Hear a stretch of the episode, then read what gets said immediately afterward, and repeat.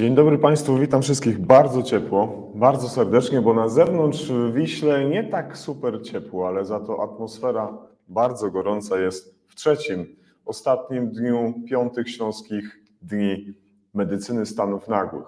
Drodzy Państwo, co to był za wieczór, co to była za noc, tylko wiedzą ci, którzy byli z nami y, w Wiśle. Bardzo fajna impreza, bardzo dobrze przygotowana, jeśli chodzi o program merytoryczny i oczywiście ten pozamerytoryczny. Jestem przekonany, że mm, takie elementy, o których właśnie rozmawialiśmy wczoraj z panem Mateuszem Komzą, są potrzebne, są ważne. Czasami, kiedy mamy wydarzenie jednodniowe, rzeczywiście nie ma miejsca na ten y, taki intensywny networking gdzieś wieczorem przy dobrej imprezie, ale z pewnością warto o to zadbać. Tylko pamiętajcie, drodzy Państwo, żeby rzeczywiście ten merytoryczny program był jak najlepszy. Y, jak już pokazywałem Państwu, cała rozpiska tego wszystkiego, co się działo praktycznie od y, piątku, cała, cała sobota i dzisiejszy dzień, praktycznie do godziny 14 będzie wypełniony kolejnymi sesjami. Bardzo się cieszę, że one zostały tak przygotowane, żeby każdy z Państwa znalazł coś dla siebie. Dzisiaj już 1 października, tak więc nieubłagalnie zbliża, zbliżamy się do końca zakończenia dzisiejszego dnia. Mm, jestem przekonany, mam nadzieję, że wszyscy uczestnicy konferencji, którzy są jeszcze z nami albo musieli już wyjechać, bo na przykład za chwilkę zaczyna się nocny dyżur, będą zadowoleni. Mam nadzieję, że dzisiaj uda nam się złapać przedstawicieli jeszcze zespołu organizacyjnego konferencji. Mam nadzieję, że jeszcze uda się dwóch gości tutaj zaprosić do studia, żebyśmy mogli porozmawiać o interesujących nas kwestiach. Udało nam się dzisiaj, drodzy Państwo, na samym początku e, zaprosić bardzo sympatycznego gościa, którego mam przyjemność e, i okazję, znaczy mam przyjemność poznać, a okazję miałem mam przyjemność znać, a okazję miałem poznać już w Grudziądzu, kiedy spotkaliśmy się z Michałem Winterem. Dzień dobry Michał, cześć. Dzień dobry, witam wszystkich, cześć Jacku. Koordynator świadczeń medycznych Falk w Medycyna, osoba, która koordynuje pracę zespołów medycznych. Zgadza się? Tak, pracę zespołów transportu medycznego, komercyjnych, dokładnie tak. Falk Medycyna to na pierwszy rzut oka od razu no, jakaś prywata, jakaś prywatna firma. Zgadza się, jest to prywatne przedsiębiorstwo. Tak, prywatne przedsiębiorstwo, podmiot leczniczy, spółka ZO. Mhm od wielu, wielu lat, bo od 1994 roku jesteśmy y, na rynku Polski, a wywodzimy się z y, krajów skandynawskich, z Danii, z Kopenhagi, gdzie jest nasza centrala. A, czyli Państwo tak prawie po sąsiedzku. Między Oslo a Kopenhagą to całkiem niedaleko. Dokładnie tak. Jak się tak można rozpędzić tą łodzią szybko między, między wybrzeżem norweskim a duńskim, to chwila, moment dzisiaj jest. Dokładnie. No, droga samolotem z Polski to 40 minut. Elegancko. Bliziutko. Często bywasz w Kopenhadze? Byłem trzy razy, ale mm, nie ma jakiejś systematyczności. Mhm. Raz w roku staram się być u kolegów na spotkaniu, na wymianie doświadczeń y, wspólnych razem, y, tak żeby porozmawiać, jak u nas wygląda praca, jak wygląda w Kopenhadze praca i organizacja przede wszystkim tego wszystkiego, całej pracy. Kilka dni temu pamiętam na jednym z Twoich postów, bardzo możliwe, że postów bezpośrednio z Falk Medycyna, były zdjęcia wstawione właśnie z Danii mnóstwo karetek, mnóstwo zespołów, y, y, zespołów ratownictwa medycznego. Co to było za wydarzenie? To było jakieś święto w Danii, czy to było jakieś, no właśnie. Tak, to jest takie nasze wewnętrzne święto y, firmy FAL, gdzie spotykamy się w Danii, tam gdzie jest założona firma w centrali i spotykamy się z ludźmi z całego świata. Przyjeżdżamy, wymieniamy doświadczenia pomiędzy sobą, rozmawiamy na temat tego, jak u nich wygląda system w jednym kraju w Ameryce, w Niemczech, czy chociażby w Polsce. Tak, to jest takie nasze małe dwudniowe święto. Michał, powiedz mi, y, od ilu lat Falk Medycyna jest w polskim systemie ochrony zdrowia? Y, Świadczycie usługi w, w ramach y, komercyjnych umów, komercyjnych rozwiązań i od ilu lat już się to dzieje? W 1994 roku dokładnie Falk Medycyna wszedł na rynek polski. Zaczęliśmy od świadczenia takiego jak świadczenie healthcare'u, czyli świadczenia w POZ, świadczenia w opiece specjalistycznej ambulatoryjnej. Później systematycznie rozwijaliśmy się, wchodziliśmy w zespoły komercyjne transportu medycznego, w zabezpieczenia medyczne. W pewnym momencie udało nam się y, wygrać konkursy w Państwowym Ratownictwie Medycznym. Natomiast na dzień dzisiejszy głównym takim core biznesem naszym są zespoły transportu medycznego, y, których mamy 54 w całym kraju. To jest dużo, czy to jest mało? Dla firmy, która ma y, taką bogatą tradycję, od wielu lat jest na rynkach europejskich, czy ta ilość zespołów to jest jakaś e, liczba bardzo wysoka, czy raczej taki średniaczek? Nie, to jest, to jest średniaczek. Nie mamy y, jakby wszystkich tych zespołów transportu me- medycznego w całej Polsce, bo rynek jest y, podzielony, różne konkursy były rozgrywane i różne wyniki były tych konkursów. Y, Niemniej no, ze stałych bodajże 120 chyba czterech zespołów naszych, falkowskich jest 54. Mhm. Także jesteśmy liderem w, w dziedzinie i w, w tym świadczeniu akurat zespołów transportu medycznego. Miał kilka lat temu, dokładnie nie pamiętam daty, z powodu organizacyjno-politycznych, można byłoby powiedzieć, Falk został no, jakoby pozbawiony możliwości startowania do, do, do, do, do kontraktowania świadczeń w ramach e, ratownictwa medycznego. Zamierzenie rządzących było, żeby wszyscy dysponenci byli, e, były to jednostki państwowe, nie prywatne. Niestety odbiło się to bardzo mocno, musieliście mm, jakby wyjść z tego systemu. E, No ale jak się okazuje, jeżeli przeanalizujemy postacie prawne wielu dysponentów, to wielu z nich posiada zapis spółka ZO, e, gdzie na przykład większościowym kapitałem może być e, powiat, no ale jednak jest tam sporo właśnie takiego prywatnego projektu, czyli Tak. mamy obecnie sytuację, że nadal mamy prywatnych y, dysponentów po części? Tak, czy nie? jest tak. Ta ustawa o upaństwowieniu, w cudzysłowie mówiąc, y, dała taką możliwość y, zawiązania spółki. Y, Spółki ZO zazwyczaj to jest i mamy kilka, kilku dysponentów w naszym kraju, którzy właśnie są spółką ZO i są y, nadal w Państwowym Ratownictwie Medycznym. Y, Ten zapis ustawy mówi tam o 51% kapitału całego i wkładu spółki Skarbu Państwa czy szpitala powiedzmy państwowego, a 49 to jest kapitał prywatny. Natomiast nie wiem, jaki jest odsetek procent udziału takich, takich, takich podmiotów w Państwowym Ratownictwie Medycznym, ale taka sytuacja jest, jest dopuszczalna i się dzieje w naszym kraju. Mhm. Drodzy Państwo, napiszcie w komentarzu z hashtagiem NTLive, skąd nas dzisiaj oglądacie, skąd nas dzisiaj słuchacie. Przypomnę, e, cykl wywiadów w dniu wczorajszym, streamy, również piątek, e, jest realizowany w ramach piątych Śląskich Dni Medycyny Stanów Nagłych i takie szczególne wydarzenie, więc y, nie sposób jest nie wykorzystać okazji, że jest mnóstwo bardzo e, ciekawych gości, którzy przyjeżdżają z prelekcjami, z wykładami, czy prowadzą warsztaty, żeby ich potem nie zaprosić tutaj do nas i na przedpytkę zabrać. Takie mam myślenie, y, znaczy chciałbym zapytać może bardziej, czy mamy myślenie takie, co prywatne to dobre czy złe w naszym em, systemie ochrony zdrowia? Jak, jak ty uważasz, jak, jak słyszysz, że jest jakiś podmiot bądź usługa prywatna w sektorze ochrony zdrowia, abstrahując od tego, że jesteś z FALK, medycyna, czy masz dobre skojarzenia, czy raczej złe?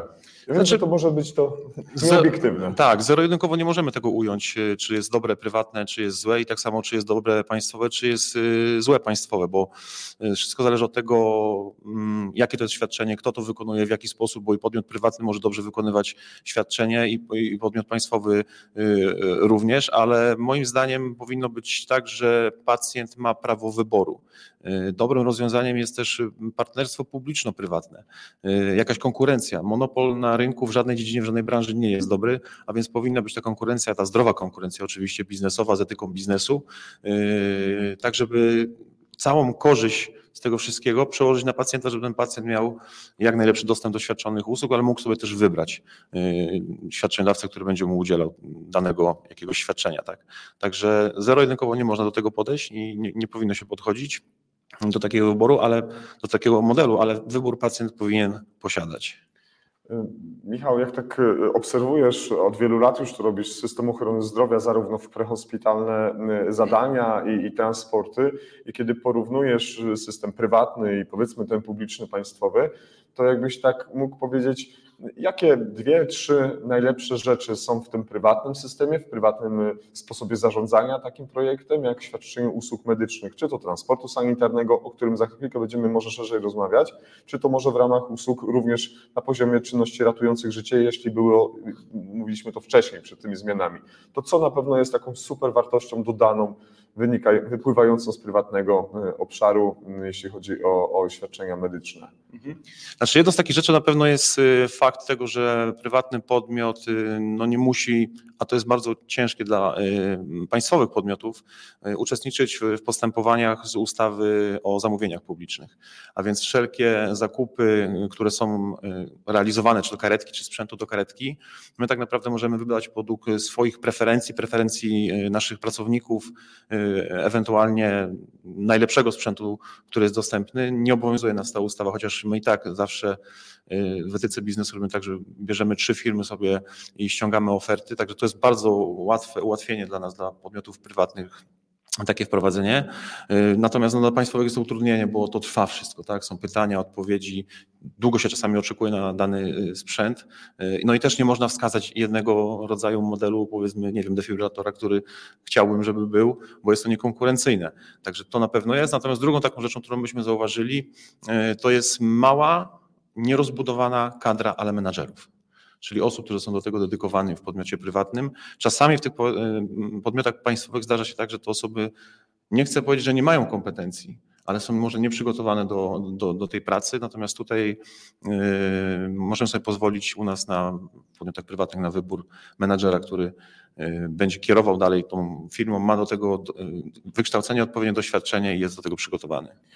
No właśnie, poruszyłeś... Często w podmiotach państwowych zdarzają się osoby z przypadku po prostu, Okej. nieprzygotowane do tej pracy na danym stanowisku. Czyli rozumiem, że należy odczytywać to między wierszami, że Falk Medycyna w swojej kadrze albo zespole kadr posiada ludzi, którzy na przykład ukończyli studia MBA zarządzania w ochronie zdrowia, studia jakieś Dokładnie tak, zarządcy. tak, Mam takie, tak. y, tak to odczytywać, tak? Tak, dokładnie tego to mi chodziło. I myśli, myśli, że y, 100% osób, które prowadzą zadania takie zarządco-koordynujące, to są osoby, które mają na przykład przygotowanie na poziomie studiów MBA, czy, czy pół na pół, czy mniej, czy to jest taki wymóg, jak to wygląda? Bo w, w państwowym systemie również mamy wielu specjalistów, którzy ukończyli em, MBA, czy jakikolwiek administracyjny kierunek zarządzania w ochronie zdrowia.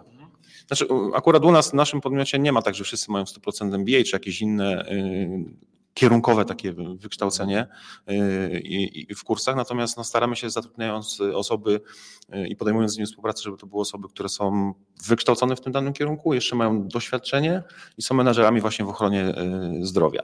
W państwowym, w jednostkach państwowych to jest troszeczkę może mniej widać, ale widać progres przez lata, bo już dużo zmieniło i jest coraz więcej właśnie menadżerów na stanowiskach y, kierowniczych, czy to w Mhm. szpitalach, czy w, podmiotach i to jest dobry kierunek moim zdaniem. Powiedzieliśmy o tym, co Falk y, y, daje, czy mógłby dać, czy dawał przez ostatnie lata dobrego, a co z publicznego, takiego państwowego ratownictwa medycznego zostało zaimplementowane do Falku, albo co by mogło być zaimplemento- zaimplementowane? Czy były takie przestrzenie, które uznaliście, fajnie, PRM działa świetnie w Polsce w tych i w tych kwestiach, Falk Medycyna na przykład będzie posługiwał się podobnymi procedurami wytycznymi? Są takie, czy raczej Tak, myśmy. y, Nie, nie, oczywiście, że nie, bo się otwieramy na współpracę i nie, nie, nie, jakby nie toczymy wojenek żadnych, nie chcemy toczyć y, wojenek, bo to do niczego nie prowadzi dobrego. I to, co myśmy zaimplementowali y, u nas w zespołach transportu medycznego, to jest elektroniczna dokumentacja medyczna, podobna troszeczkę na wzór dokumentacji z SWD. Mhm. Także na dzień dzisiejszy już nie pracujemy na kartkach. Wszystko jest zdigitalizowane. Mamy urządzenia Zebra, podobne jak w Państwowym Ratownictwie Medycznym, tylko w, w ratownictwie są to duże tablety, mamy troszeczkę mniejsze na zasadzie smartfonu i takie rozwiązanie zaimplementowaliśmy jako wzór i, i dobre rozwiązanie u nas w zespołach transportu medycznego. Czyli widzicie Państwo, można się, y, można się ym, uzupełniać, można ym, się wspierać i powinniśmy znowu podglądać y, od siebie. O tym wczoraj mówił y, Tomek Lem, który podpowiadał, y, opowiadał o swoich doświadczeniach międzynarodowych, tu w Stanach, tu w Niemczech, tu w Wielkiej Brytanii, tu na Antypodach, tu powiedzmy gdzieś na Bliskim Wschodzie. Y, y, Te doświadczenia się mieszają, te doświadczenia się wymieniają między strukturami systemu, warto to robić. Powiedziałeś o systemie, y, y, który nazywa się, no właśnie, co kryje się pod takim skrótem, trudnym skrótem, nie wiem czy anglojęzycznym, czy może, który bardzo często posługujesz się nim, kiedy rozmawiamy o transporcie, szczególnie tych pacjentów y, y, krytycznie chorych, w krytycznie złym stanie zdrowia. Czym się taki transport zajmuje i jak się nazywa ten skrót cały? ZTM. Mamy ZRM, czyli Zespołu Ratownictwa Medycznego i od trzech lat mamy jeszcze taki skrót jak ZTM, czyli Zespołu Transportu Medycznego. To jest świadczenie gwarantowane szpitalne, które jest nowe, można powiedzieć, y, a dedykowane jest do transportu międzyszpitalnych pacjentów w stanie bezpośredniego zagrożenia życia. Główny cel i założenie y, tych zespołów transportu medycznego, y, tego critical care transport za granicą, to jest transport pacjenta ze szpitala o niższych referencyjności do szpitala o wyższej referencyjności. Czy na przykład w szpitalu powiatowym nie ma torakochirurgii, nie ma kardiochirurgii, a jest potrzeba wykonania jakiegoś pilnego zabiegu, to te zespoły transportu medycznego są dedykowane do tego, żeby przetransportować tego pacjenta do szpitala o wyższej referencyjności, do specjalistyki wysokiej. No to dobrze, Za, zabawmy się w taki scenariusz. Jestem sobie, powiedzmy, y, osobą koordynującą transport takiego pacjenta. Nie muszę być lekarzem, nie muszę być pielęgniarzem, pielęgniarką, ale jestem osobą X w szpitalu Y. No i dzwonię do Państwa. Dzień dobry, nazywam się X. Chciałbym zamówić transport dla naszego chorego pacjenta Kowalskiego, który wymaga przewiezienia do poziomu czwartego referencyjności. I jak wygląda procedura, albo jak powinna wyglądać procedura, żeby zamówić taki transport u Was? Wszystko jest określone przez y, rozporządzenie prezesa Narodowego Funduszu Zdrowia, który reguluje informacje, które są potrzebne do zebrania i jakby uruchomienia tego transportu. Y, A więc pierwszą rzeczą, taką najważniejszą, to jest to, żeby ten transport y, i przyjęcie tego pacjenta w drugim szpitalu było umówione i to jest obligatoryjne, bo ten transport nie, nie ma w swoim zdaniu realizacji konsultacji pacjenta w innym szpitalu, tylko przewiezienie i przyjęcie go. Więc to jest pierwsza rzecz, ustalenie miejsca dla tego pacjenta w szpitalu, do którego chcemy go transportować. No oczywiście podajemy wszystkie dane personalne y, pacjenta naszego, ile posiadamy. Y, Drugą rzeczą to jest rozpoznanie i numery telefonów kontaktowych, tak żebyśmy mogli w czasie transportu zadzwonić do lekarza jednego czy drugiego, zlecającego czy tego przyjmującego, skonsultować się jeszcze i tak naprawdę to wszystko. I dyspozytor decyduje o kodzie pilności wyjazdu. Kody są takie same jak w Państwowym Ratownictwie Medycznym, czyli kod pierwszy pilny i kod drugi y, zwykły. Y, I to jest to wszystko. Wysyłamy zespół i przewozimy pacjenta do szpitala docelowego. Ym, Jestem wspomnianym medykiem X. Jakie mam, jaką mam gwarancję, że zarówno pojazd, sprzęt, personel, cała ta oprawa techniczno-logistyczna, kompetencyjna będzie spełniała moje wymogi, jeśli chodzi o medyka, który opiekował się tym pacjentem wewnątrzszpitalnie, a teraz musimy wyprowadzić pacjenta z jego strefy komfortu i naszej i musimy go no, poddać no, takim dosyć trudnemu procesowi, jakim jest y, transport. I, no właśnie, co powinien wiedzieć o Was, o sprzęcie, o kompetencjach? To znaczy tak, y, te zespoły transportu medycznego i te ambulanse, które tam są, one są przygotowane i muszą być przygotowane zgodnie z normą PNN 1789, czyli ich konstrukcja i wyposażenie jest takie samo jak zespołów y, ratownictwa medycznego. Tutaj niczym to się tak naprawdę nie różni. I To jest pierwsza rzecz, która powinna być zmieniona naszym zdaniem, bo niestety ale karetki które są przeznaczone do Państwowego Ratownictwa Medycznego i sprzęt, który się w nich znajduje, nie zawsze jest potrzebny albo jest go za mało w zespołach transportu medycznego. I takim przykładem może być pompa infuzyjna, gdzie jest jedna wymagana, a niestety ci pacjenci w większości, którzy są przełożeni w stanie zagrożenia życia, mają więcej niż jedną pompę. Yy, I więc, a więc tu jest taka nisza do popracowania nad tym, żeby zmienić to rozporządzenie i dostosować ambulanse do przewozu pacjentów w zespołach transportu medycznego. To jest jedna rzecz na przy- na przykładzie pompy, ale też karetka jest nieprzystosowana w środku, w przestrzeni do transportu takiego pacjenta, bo czasami trzeba zabrać jakieś dodatkowe inne urządzenie, ECMO na przykład, yy, dodatkowe butle tlenowe, bo transport jest długi przez całą Polskę, takie były. I niestety, ale no, wymaga się, powinno się wymagać zmiany tego rozporządzenia, tak, ażeby dostosować te zespoły transportu medycznego do warunków, znaczy karetki do zespołów transportu medycznego Czy przewozu tych jesteście- pacjentów. Czy jesteście brani pod uwagę w, di- w dialogu y, y, ministerialnym? Możecie, czy robicie to, składacie pewne propozycje, żeby pewne zmiany w ustawie zostały czy w rozporządzeniach wprowadzane, czy raczej, raczej biernie się przyglądacie na rozwój wydarzeń? Nie, nie. My wszystkie takie uwagi, obserwacje z tych trzech lat zbieramy, wysyłamy y, pisma do y, Ministerstwa Zdrowia. Będziemy też wysyłali, natomiast to jest trochę problem z, z odpowiedziami.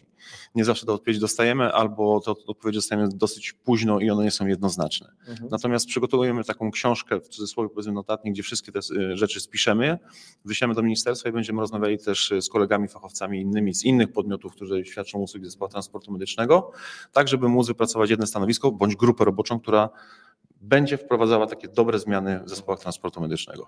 Jak wygląda zaplanowanie takiej realizacji transportu, szczególnie długiego transportu między powiedzmy poznańskim ośrodkiem a warszawskim, krakowskim, a gdańskim, Mhm. powiedzmy więcej kilometrów. Czy przygotowujecie e, wszystkie plany na, jakby się coś stało, nie wiem, zepsuty silnik w samochodzie, skrzynia biegów, urwane koło, odpukać niemalowane, e, jeśli chodzi o załogi, czasy przy pracy kierowców, czy e, zespół, który koordynuje przyjęcie danego zlecenia, bierze te rzeczy pod uwagę, czy po prostu no tak łańska fantazja, rzucamy kwity, tu jest zlecenie na przewóz i heja, jedziemy. Nie, nie, takie rzeczy są brane pod uwagę, szczególnie przy tych dalekich transportach, które mieliśmy, a już nieraz jeździliśmy przez całą Polskę po długości po skosie. No i tu musi niestety, niestety, niestety, ale planowanie y, musi następować. Y, I takie rzeczy dzieją się na chwilę przed tym wszystkim. Niestety nie jesteśmy wszystkiego też w stanie zaplanować z tego względu, że te transporty, o ile niektóre są planowane, to niektóre wskakują w cudzysłowie do systemu na szybko trzeba je realizować, ale w, w takich sytuacjach mamy swoich kolegów, kierowników, koordynatorów, którzy są na miejscu w danym województwie, koordynują działaniami e, tych zespołów transportu medycznego i na przykładu mieliśmy taki transport pacjenta, gdzie w godzinę ściągnęliśmy dodatkowego ratownika kierowcę, e, bo musiał być ich trzech tak żeby się zmieniali, bo jechaliśmy z Gorzowa Wielkopolskiego do Przemyśla, czyli całą Polskę y, po skosie.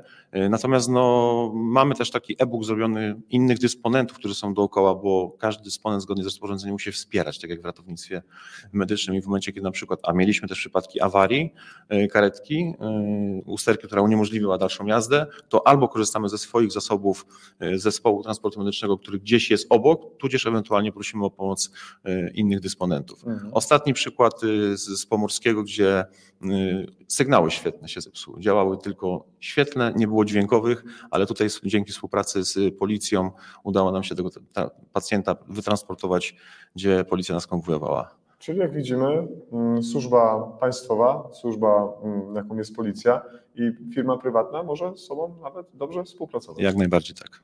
Czyli nie musimy się, drodzy Państwo, bać tego, że jak coś jest prywatne, to na pewno złe, to na pewno wszystko e, można tam właśnie złego wrzucić i zamieszać i jedną miarą powiedzieć, że to na pewno nie będzie dobrze. Kooperować, współpracować, wymieniać się doświadczeniami. Mamy inne doświadczenia, mamy doświadczenia z zagranicy.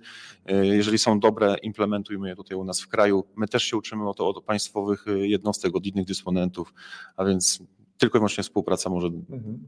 Zrobić dobre rzeczy. A propos współpracy, drodzy Państwo, mam, y, chyba, mogę się chyba wysypać na antenie. Mamy ym, taki plan, by, by współpracować z Falk Medycyna, żebyśmy zaprosili Michała do takiego pełnowymiarowego odcinka właśnie o, o transportach, y, zespołach transportu medycznego, w którym ten temat rozłożymy na czynniki pierwsze, wytłumaczy Tak jest. Michał wytłumaczy te wszystkie kwestie. Przygotujemy dla Państwa audycję w tej pierwszej części wywiadowczo-informacyjną. Michał wyjaśni te em, meandry związane z procedurami. Postaramy się to zrobić w miarę nienudno, żeby Państwa nie zasypać takimi e, jakimiś technikaliami. Później e, Michał przedstawi Państwu pewne rozwiązania, które funkcjonują, albo takie, które powinny funkcjonować, których Michał jest autorem. Michał pracuje na wielu projektach, które w tym momencie jeszcze nie mają wymiaru prawnego, ale liczymy na to, że w przyszłości ty jako autor tych projektów będziesz mógł je implementować nie tylko w swojej firmie, ale może konkurencyjnie. Jak najbardziej tak. Jak najbardziej tak. My też jesteśmy otwarci na współpracę z innymi. Jeżeli ktoś pracuje nad jakimś programem, nad jakimś rozwiązaniem, możemy to zrobić w kooperacji wspólnie i wyrzucić w cudzysłowie do środowiska, tak żeby każdemu się lżej pracowało i lepiej, a żeby nasza jakość podnosiła się do góry y, i pacjent był bezpieczniejszy. Dlatego y, pozwalam sobie już teraz, drodzy Państwo, zaprosić do, do rozmowy mm, o tra- zespołach transportu medycznego. Tytuł audycji, y, zakres, rozmowa i te wszystkie najważniejsze tak zwane topiki będą się z pewnością pojawiały zarówno w promocji wydarzenia, i oczywiście w informacjach o tym przebiegu. Y, Będzie to odcinek partnerski, będzie to odcinek y, sponsorowany. W związku z tym jest mi bardzo miło, że od Waszej firmy NT Life y, rozpoczyna y, też taką nową działalność. Pro Publico Bono jedna część, ale też będziemy wchodzić właśnie w przestrzeń komercyjną, co jest dla mnie również bardzo ważne. Chociaż od wczoraj już nie powinniśmy się nazywać NT Life. Tak, bo wczoraj właśnie kreatywność y, kolegów na wieczornej biesiadzie była różna i już mamy dwie nowe nazwy dla Jacka firmy. Każdy ma problem z wymówieniem tej drugiej części. Nordic Striget. Tak. I wczoraj padła propozycja Jacek Borowiak Nordic Walking, będzie prościej. Natomiast druga propozycja to jest Jacek Borowiak y, Nordic Target. Nordic, tak. tak więc jakby ktoś miał jakiś kłopot, żeby zapamiętać, co, co znaczy, jak Ja pro, proponuję Jacku ankietę utworzyć y, Dobrze, i wybierzemy dobrze. jedno z tych dwóch. Polska nazwa Nordic Striget. Tak jest. Tak, tak więc posług... audycje mają mniejszy problem, bo się nazywają NT Live.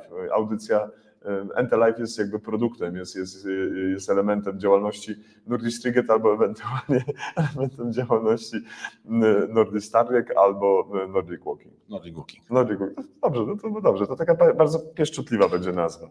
Cieszę się bardzo już mocno na ten odcinek, bo e, chciałbym Państwu przybliżyć e, troszeczkę inny sposób myślenia w ogóle o realizowaniu pewnych świadczeń medycznych e, w systemie ochrony zdrowia. Żebyśmy właśnie, tak jak powiedział przed chwilą Michał, współpracowali, jeśli chodzi o tworzenie ciekawych procedur, uzupełniali siebie, się nawzajem, jeśli chodzi o świadczenia medyczne dla pacjentów, no i nie bali się kooperować i jak najlepiej mówić o sobie, zarówno ci po stronie prywatnej o państwowych rozwiązaniach, które są dobre, i na odwrót, te, które są dobre w firmach prywatnych, powinny być dostrzegane przez, no właśnie po tych po prawej stronie, czyli tych państwowych. Podpisuję się dwoma rękoma pod tym. Współpracujmy, kooperujmy dla naszego dobra, dobra pacjentów i podniesienia tej jakości.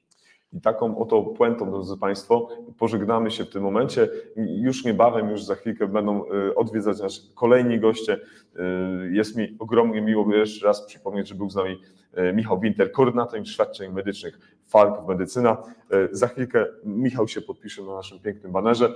Zrobimy również fotę na Facebooka i będziemy się z tego potem bardzo cieszyć. Będziemy mieli niezłą pamiątkę po kolejnych y, y, śląskich dniach medycyny y, Stanów Nagłych. Serdecznie dziękuję i Państwu, i Tobie, Jacku. Bardzo dziękujemy. Do usłyszenia, do zobaczenia już za niebawem, więc bądźcie, drodzy Państwo, bardzo czujni.